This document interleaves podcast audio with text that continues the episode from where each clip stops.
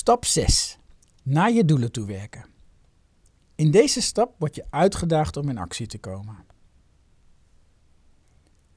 Ever tried, ever failed, no matter, try again, fail again, fail better. Samuel Beckett. Je bent een behoorlijk stuk op weg met CoachFriend in je ontwikkeltraject. Zoals bezongen in het liedje van Agda en de Munnik in de eerste stap, ben je gaan lopen. Je hebt jouw persoonlijke leerdoel in kaart gebracht en onderzocht hoe je verstand je gedrag onbewust en niet altijd op een gewenste manier beïnvloedt. Je bent met dit ontwikkeltraject aan de slag gegaan, ondanks al je drukke werkzaamheden. Je hebt waarschijnlijk ook gemerkt hoe lastig het kan zijn om tijd voor jezelf en coachfriend vrij te maken. Toch heb je dat gedaan. Je hebt niet toegegeven aan jouw Max. Dat zachte en verleidelijke, of soms juist dwingende en strenge, stemmetje in je hoofd. Dat je probeert af te houden van in actie komen. Je verdient dan ook een groot compliment.